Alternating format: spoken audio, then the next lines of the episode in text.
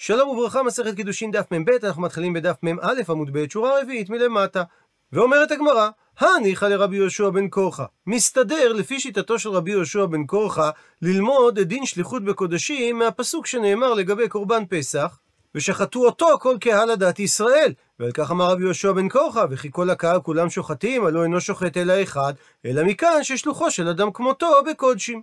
אלא שואלת הגמרא לרבי יונתן, דמפיק ללאה יקרא. לדרשה אחרינה, שהוא מוציא מהפסוק הזה דרשה אחרת. אז מנהלן לשיטתו דין שליחות בקודשים, דתניא. שכך דרש רבי יונתן בברייתא במסכת פסחים. רבי יונתן אומר, מניין שכל ישראל כולם יוצאים בפסח. הפכנו דף אחד, שנאמר, ושחטו אותו כל קהל הדת ישראל בין הארבעים.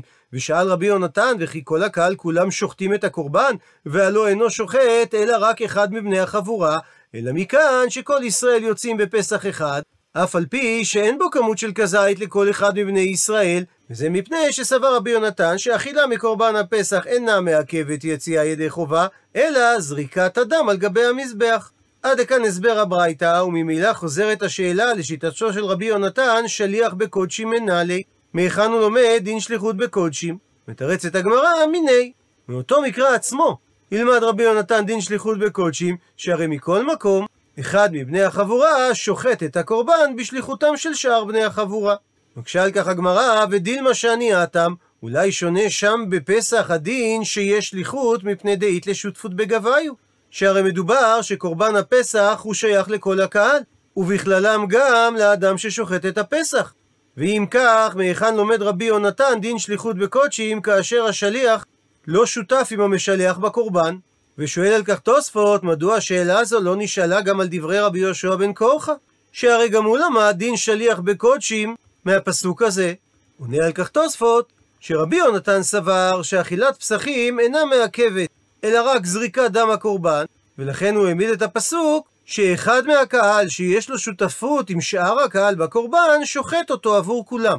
אבל לרבי יהושע בן קורחה, שאמר שכל ישראל לא יוצאים בפסח אחד, לפי שהוא סובר שצריך כל אחד לאכול כזית מהקורבן, הוא בהכרח יפרש את הפסוק ושחטו אותו כל קהל עדת ישראל, שיש אדם אחד ששוחט קורבנות פסחים הרבה.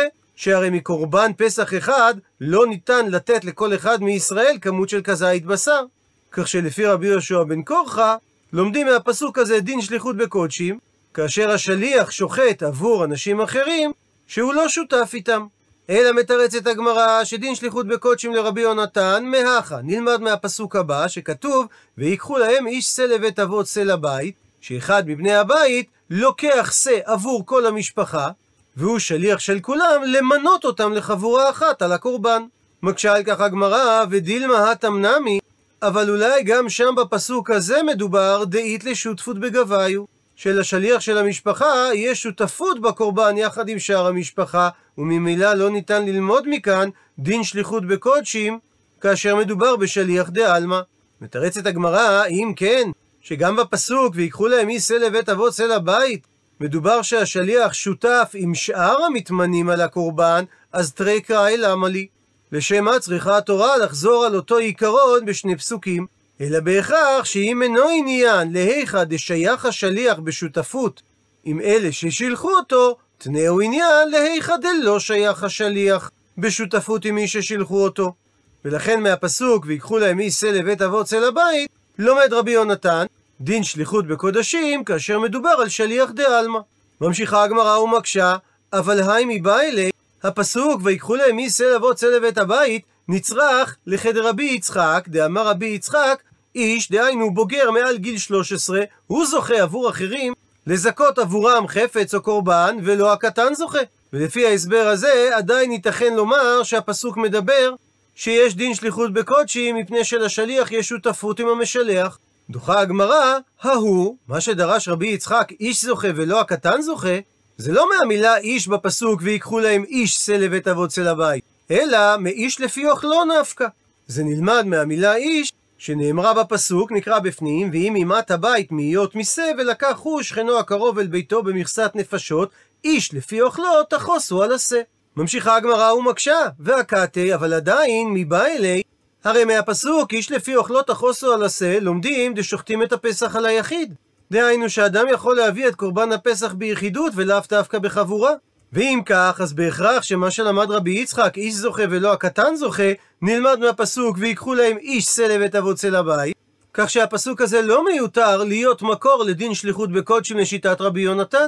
מתרצת הגמרא שצריך לומר שסבר לרבי יונתן כמאן דאמר, כשיטת מי שאומר שזה רבי יהודה, שאין שוחטים את הפסח על היחיד. ורבי יהודה למד את זה מזה שכתוב לא תוכל לזבוח את הפסח באחד שעריך, והמילה באחד מיותרת, שהרי ניתן היה לומר לא תוכל לזבוח את הפסח בשעריך. ומכאן דרש רבי יהודה שלא תוכל לזבוח את הפסח ביחיד, אלא רק בחבורה. כך שניתן לומר שרבי יצחק דורש איש זוכה ולא קטן זוכה מהפסוק איש לפי אוכלו, ואז הפסוק ויקחו להם איש שא לבית אבות צל הבית, פנוי ללמוד ממנו דין שליחות בקודשים. ואם כך מצאנו דין שליחות בקודשים, גם לשיטת רבי יונתן.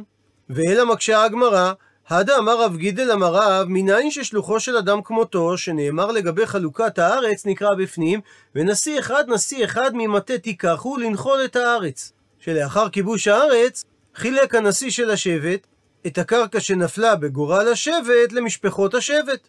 ומדוע היה צריך ללמוד את זה מהפסוק הזה? טיפוק לי, ניתן היה ללמוד את דין השליחות מהכה, מדין השליחות שראינו בגירושין קידושין קודשים ותרומה. מתרצת הגמרא ותסברה דהה שליחותו? האם אתה סובר בדעתך לומר שחלוקת הארץ על ידי הנשיאים הייתה מדין שליחות, והקטנים לאו בני שליחות נינו? הוא מסביר רש"י, הרי היו גם קטנים בנוחלי הארץ, ולא ייתכן לומר שזיכו להם את הארץ בתורת שלוחין, שהרי אין שליחות לקטן. כפי שדורשת הגמרא בבבא מציע, מזה שכתוב כי ייקח איש, ובהמשך נאמר, ושילחה מביתו. כך שהמקור לדין שליחות מדבר רק בגדולים ולא בקטנים. אלא בהכרח שדברי רב גידל המרב לא באו ללמד דין שליחות, אלא כי הא, כגרסת דרבא בר רב הונא, דאמר רבא בר רב הונא אמר רב גידל המרב, שהוא בא ללמד מניין שזכים לאדם שלא בפניו. שהרי זכייה לקטנים נחשבת כזכייה שלא בפני אדם גדול. ואת זה הוא למד מכך שנאמר ונשיא אחד נשיא אחד. מקשה הגמרא על הסבר זה, ותסברה, האם יעלה על דעתך לסבור ולומר שחלוקת הארץ זכות היא? החובה נמי איכא, הרי יש בזכות הזאת גם צד חובה. שהרי דאיכא דניחא ליה בהר ולא ניחא ליה בבקעה, ואיכא דניחא ליה בבקעה ולא ניחא ליה בהר. יש אדם שיותר נוח לו לקבל שטח בהר ולא נוח לו לקבל שטח בבקעה, ויש אדם להפך שנוח לו לקבל שטח בבקעה ולא נוח לו לקבל שטח בהר. אז כיצד ייתכן שזה המקור לכך שזכין לאדם שלא בפניו, שזה דווקא כאשר מדובר על זכות גמורה, ולא על זכות שיש בה גם צד חובה? ואלא בהכרח שצריך להעמיד את דברי רב גידל אמר רב, כדרבא בר אבונה, דאמר רבא בר אבונה שאמר רב גידל אמר רב, מניין ליתומים שבאו לחלוק בנכסי אביהן, שבית דין מעמידים להם אפוטרופוס, שיפקח על חלוקת הירושה, ויש בכוחו לחוב ולזכות עבורם. ומיד פותחת הגמרא סוגריים ושואלת, לחוב אמאי, מדוע שבית הדין ימנו אפוטרופוס, אם פשוט לנו שהוא יגרום לדבר שהוא לחובתם של היתומים, שאז לשם מה להעמיד אותו? אלא בהכרח שהמילה לחוב, הכוונה לחוב על מנת לזכות. שבית הדין מעמידים וממנים את האפוטרופוס לדון ולערער בשביל היתומים, כאשר מראש המטרה היא לזכותם ולהנאתם. אבל אם בסופו של דבר התחייבו היתומים בדין על ידי האפוטרופוס, מה שעשו בית הדין עשוי. תלמוד לומר, וזה נלמד ממה שכתוב, ונשיא אחד, נשיא אחד ממטה תיקחו. שכשם שהיה כוח ביד הנשיאים לזכות את הקטנים בנחלה, ואפילו שזה לא זכות גמורה, מפני שלפעמים חלוקה זו יש בה גם חובה כלפיהם, שייתכן ולא נוח להם בחלק שנפל להם, ובכל זאת אמרה התורה שאין הקטנים יכולים לחזור בהם. כך גם רשאים בית הדין למנות אפוטרופוס עבור היתומים, אפילו שייתכן שיש בזכות הזו גם צד חובה. ואגב שהזכרנו מינוי אפוטרופוס, אמר רב נחמן אמר שמואל, יתומים שבאו לחלוק בנכסי אביהם, בית דין מעמידים להם אפוטרופוס ובוררים להם חלק יפה. ואם הגדילו, אז הם יכולים למחות. עד לכאן דברי שמואל. ורב נחמן דידי אמר, בשם עצמו הוא אמר, שאם הגדילו היתומים הם אינם יכולים למחות, דאם כן כדברי שמואל שהם יכולים למחות על החלטת האפוטרופוס, אז מה כוח בית דין יפה?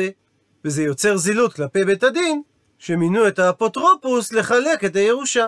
מקשה הגמרא, ומי איתלה לרב נחמן? האם יש לרב נחמן את הסברה של אם כן מה כוח בית דין יפה? ואתנן. והרי שנינו במשנה במסכת כתובות, שום הדיינים שהם ביצעו שומה לנכסי לווה, כדי לגבות מהם את חוב המלווה, והם עשו את זה או שלא בפני הלווה, או שלא מדעתו של הלווה, משום שהוא לא היה מוכן לציית לדין. במקרה שפיחתו שטות, דהיינו שהעריכו את הנכסים בשישית פחות מערכם, או הותירו שטות, שהעריכו את הנכסים בשישית יותר מערכם, הדין שמכרן בטל. מפני שכאשר הם מכרו את הנכסים בפחות משישית, הרי יש פה הונאה כלפי המוכר, ואם הם מכרו אותם בשישית יותר מערכם, אז יש פה הונאה כלפי הקונה. אלו דברי תנא קמא. רבן שמעון בן גמליאל חולק ואומר שבמקרה כזה מכרן קיים, מפני שאם כן שמכרן בטל, אז מה הכוח בית דין יפה? עד לכאן לשון המשנה, ואמר על כך רב הונא בר חיננה שאמר רב נחמן הלכה כדברי חכמים. שלא סוברים כרבן שמעון גמליאל שאומרים את הסברה מה כוח בית דין יפה. וזה סותר את דברי רב נחמן שאמר שאם הגדילו היתומים הם לא יכולים למחות מהסברה של מה כוח בית דין יפה. מתרצת הגמרא לא קשיא, אין סתירה בין הדברים של רב נחמן. הפכנו דף, הדטעו, הדלא טעו. מה שאמר רב נחמן, שהלכה כדברי חכמים ולא כרשב"ג, מדובר שבית הדין טעו בשומה, והם פיחתו שטות או הותירו שטות, ולכן המכר בטל. לעומת זאת, מה שאמר רב נחמן, שיתומים לא יכולים לערער על חלוקת הנכסים על ידי האפוטרופוס, זה כאשר לא טעו בית הדין. אבל מקשה הגמרא, אם מדובר דלא טעו האפוטרופוסים בחלוקת הנכסים, אז מהי הכוונה בדברי שמואל שיכולים למחות? שהרי אם אין טעות, אין על מה למחות. מתרצת הגמרא שאין טעות בהערכה הכספית של הנכסים, אלא שהם יכולים למחות ברוחות. מסביר רש"י שמי שנפל לו חלק בדרום, הוא יכול לומר, נוח לי דווקא לקבל חלק בצפון. במקרה למשל, שהייתה לו שם שדה סמוכה לחלקה הצפונית שנפלה לו מאימו. ומעניין לעניין באותו עניין, אמר רב נחמן, האחים שחלקו את הירושה ביניהם, הרי הן כלקוחות. וממילא נוהג ביניהם דין הונאה, כשם שהוא נוהג בין לקוח למוכר רגיל. והדבר בא לידי ביטוי בשלושת הדינים הבאים. אם הטעות בחלוקה הייתה פחות משטות, אז הדין שנקנה מקח. ואם הטעות בחלוקה הייתה יתר על שטות, אז הדין שבטל המקח. ואם הטעות בחלוקה הייתה בשווי של שטות בדיוק, אז הדין שכל אחד מהאחים קנה את חלקו, ומחזיר מי שקיבל יותר את סכום ההונאה, דהיינו את השישית היתרה שהוא קיבל. עד לכאן דברי רב נחמן, הוא מסייג את הדברים, אמר רבא. נקרא לפי הגאות הבך. הדאמרת, מה שאמרת רב נחמן בדין הראשון, שכאשר ההונאה בחלוקת הנכסים הייתה פחות משטות שאז נקנה המקח, לא אמרן, אנחנו לא אומרים שכך הוא הדין, אלא במקרה דלא שב שליח. שהחלוקה בוצעה בין האחים עצמם, ולא שאחד האחים מינה שליח. אבל במקרה שאחד האחים שב שליח, הוא מינה מישהו שיהיה שליח עבורו בחלוקת הנכסים. במקרה כזה, החלוקה בטלה, גם אם ההונאה היא בסכום של פחות משטות, מפני שאמר האח לשליח לתיקון אשדרתיך ולא לעיוותי. שלחתי אותך כשליח על מנת שתתקן את המצב ותרוויח עבורי, ולא על דעת זה שתעוות את המצב, דהיינו שתגרום לי להפסד. הוא ממשיך רבא לסייג את דברי רב נחמן, ועד אמרת, מה שאמרת בהלכה השנייה, שכאשר הטעות בחלוקת הנכסים היא ביותר משטות שאז בטל המקח, לא אמרן, אנחנו לא אומרים שכך הדין, אלא במקרה דלא אמר נפליגן בשובה דבית דינא, שהאחים לא הסכימו ביניהם להיות שומת הנכסים בשלושה אנשים שהן בית דין. אבל אם אמר נפלוג בשומא דבית דינא, אבל אם הם קיבלו עליהם להיות חלוקת הנכסים כדין שום הדיינים, אז אפילו אם הטעות בחלוקת הנכסים היא יותר על שטות, הדין שמכרן קיים. והמקור לכך דתנן, ששנינו במשנה במסכת כתובות, שום הדיינים שפיחתו שטות או הותירו שטות מכרן בטל, ורשב"ג חולק ואומר מכרן קיים, ורבא לא סובר כרב נחמן שאמר הלכה כדברי חכמים, אלא הוא סובר שהלכה כרשב"ג. הוא ממשיך רבא ומסייג את דברי רב נחמן, והדה אמרת בהלכה השלישית, שאם הטעות בחלוקת הנכסים היא בדיוק שטות, הדין שקנה ומחזיר הונאה. לא המרן, אנחנו לא אומרים שכך הדין, אלא כאשר מדובר שהחלוקה היא במטלטלי, מפני שאמרה התורה את דין הונאה במטלטלים, שכתוב בתורה, או קנו מיד עמיתך אל תונו אשת אחיו, הרי שמדובר על דבר הנקנה מיד ליד שזה מטלטלין. אבל אם החלוקה הייתה במקרקעי, אז לא צריך להחזיר את סכום ההונאה, שהרי אין הונאה לקרקעות. מפני שקרקע, בשונה ממיטלטלין, היא דבר שקיים לעולם, ולכן ניתן לדרוש על הקרקע כל מחיר שהוא. הוא ממשיך רב ומסייג את הדברים, ובמקרקעי לא המרן, שאין דין הונאה, אלא במקרה דפלוג בעילויה, שהעריכו את הקרקעות כמה הם שווים, ואחד נטל בקרקע רעה כפי שווי הדמים, ואחד נטל בקרקע יפה כפי שווי הדמים. אבל במקרה שפלוג במשחטה, שהם חילקו את הקרקעות בחבל, כך שכל אחד מהאחים יקבל שטח שווה, לא משנה אם זה בקרקע רעה או בקרקע יפה, אז במקרה כזה לא אומרים שאין הונאה לקרקעות כדרבה. דאמר רבא, כל דבר שמוכרים אותו, שבמידה או ושבמשקל או ושבמניין, והייתה טעות במדידה, אז אפילו אם הטעות היא פחות מכדי הונאה, נמי חוזר. גם במקרה כזה המקח בטל. מפני שבשונה משאר הונאות, שחכמים קבעו שאין כל אדם יכול לצמצם אדמים בצורה מדויקת, ולכן מרווח טעות הגיוני זה עד שטות, אז כאשר יש הונאה פחות משטות, אדם אוכל על כך. אבל כאשר יש טעות במידה, שזה דבר שניתן לדייק בו, הרי מדובר על טעות, ואין אדם אוכל על כך, ולכן המקח בטל. ונסכם את הדברים בעזרת הטבלה הבאה. אם האפוטרופוס טעה בשומה בשיעור של שתות, לפי תנא קמא היתום יכול למחות, ולפי רשב"ג היתום לא יכול למחות, שהרי אם הוא יכול למחות, אז מה כוח בית דין יפה? ולחילופין, במקרה שהאפוטרופוס לא טעה בכלל, ודאי שהיתום לא יכול למחות. ובמקרה שהאפוטרופוס לא טעה בשומה, אבל הוא כן טעה ברוחות, שיש ליתום טענה שהוא היה מעדיף לקבל שדה ברוח אחרת, שמואל טוען שהיתום יכול למחות, ורב נחמן טוען שהיתום לא יכול למחות, שהרי אם כן, מה כוח בית דין יפה? וחוזרת עכשיו הגמרא לדון בעיקרון ששלוחו של אדם כמותו.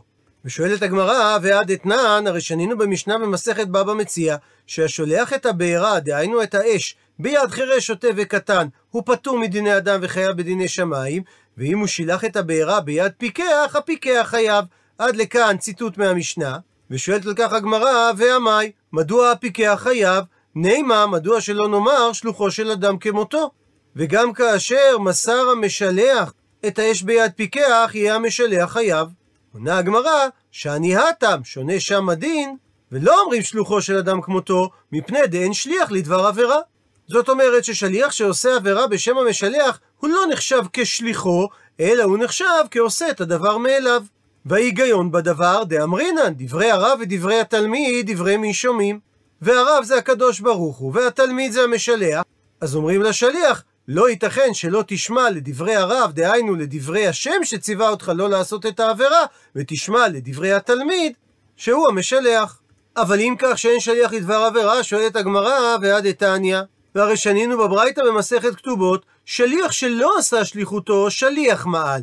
ואם הוא עשה שליחותו, בעל הבית מעל. הוא מסביר רש"י שהברייתא מדברת לגבי הקדש, שהיו אצל בעל הבית מעות הקדש, והוא טעה, הוא היה סבור שזה מעות של חולין, והוא מסר אותם לשליח כדי שהוא יקנה לו בהן חלוק, וקנה בהם השליח טלית, שזה נקרא שהשליח לא עשה שליחותו, שהרי בדבר זה הוא אינו שלוחו של בעל הבית, ולכן השליח מעל, והוא צריך להביא קורבן אשם מעילות, כדין המועל בהקדש. אבל אם הוא עשה שליחותו של בעל הבית, הוא קנה עבורו את החלוק, הדין שבעל הבית מעל, ובעל הבית הוא זה שצריך להביא אשם מעילות כדין מועל בהקדש. עד לכאן לשון המשנה ומקשה הגמרא, כי עשה השליח את שליחותו דבעל הבית, אמרה המשנה שבעל הבית מיה אמנם הוא מעל, עמי מדוע? נימא, הרי אמרנו שאין שליח לדבר עבירה. ואם כך, הדין היה צריך להיות שגם כאשר השליח עשה שליחותו של בעל הבית, השליח מעל ולא בעל הבית מעל.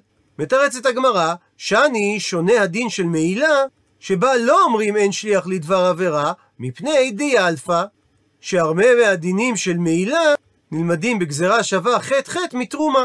שכתוב במעילה וחטאה בשגגה מקודשי השם, וכתוב בתרומה ולא יישאו עליו חטא. ומהגזרה שווה הזו לומדים, מה תרומה, מה שווה שליח? ניתן למנות שליח להרמת התרומה, אף במעילה מה שווה שליח. ניתן למנות שליח, ועל ידי כך למעול. אבל אם כך, שבמעילה יש שליח לדבר עבירה, שואלת הגמרא, ונעלף מינה. מדוע שלא נלמד ממעילה לכל דבר עבירה שיש שליח? מתרצת הגמרא שלא לומדים ממעילה, משום דהווה מעילה ושליחות יד, שני כתובים הבאים כאחד, וכל שני כתובים הבאים כאחד אין מלמדים. כי אם התורה הייתה רוצה ללמד אותנו עיקרון מסוים, היא הייתה אומרת אותו במקום אחד. מזה שהיא פירטה אותו בשני כתובים, בהכרח שמדובר על שני מקרים יוצאי דופן.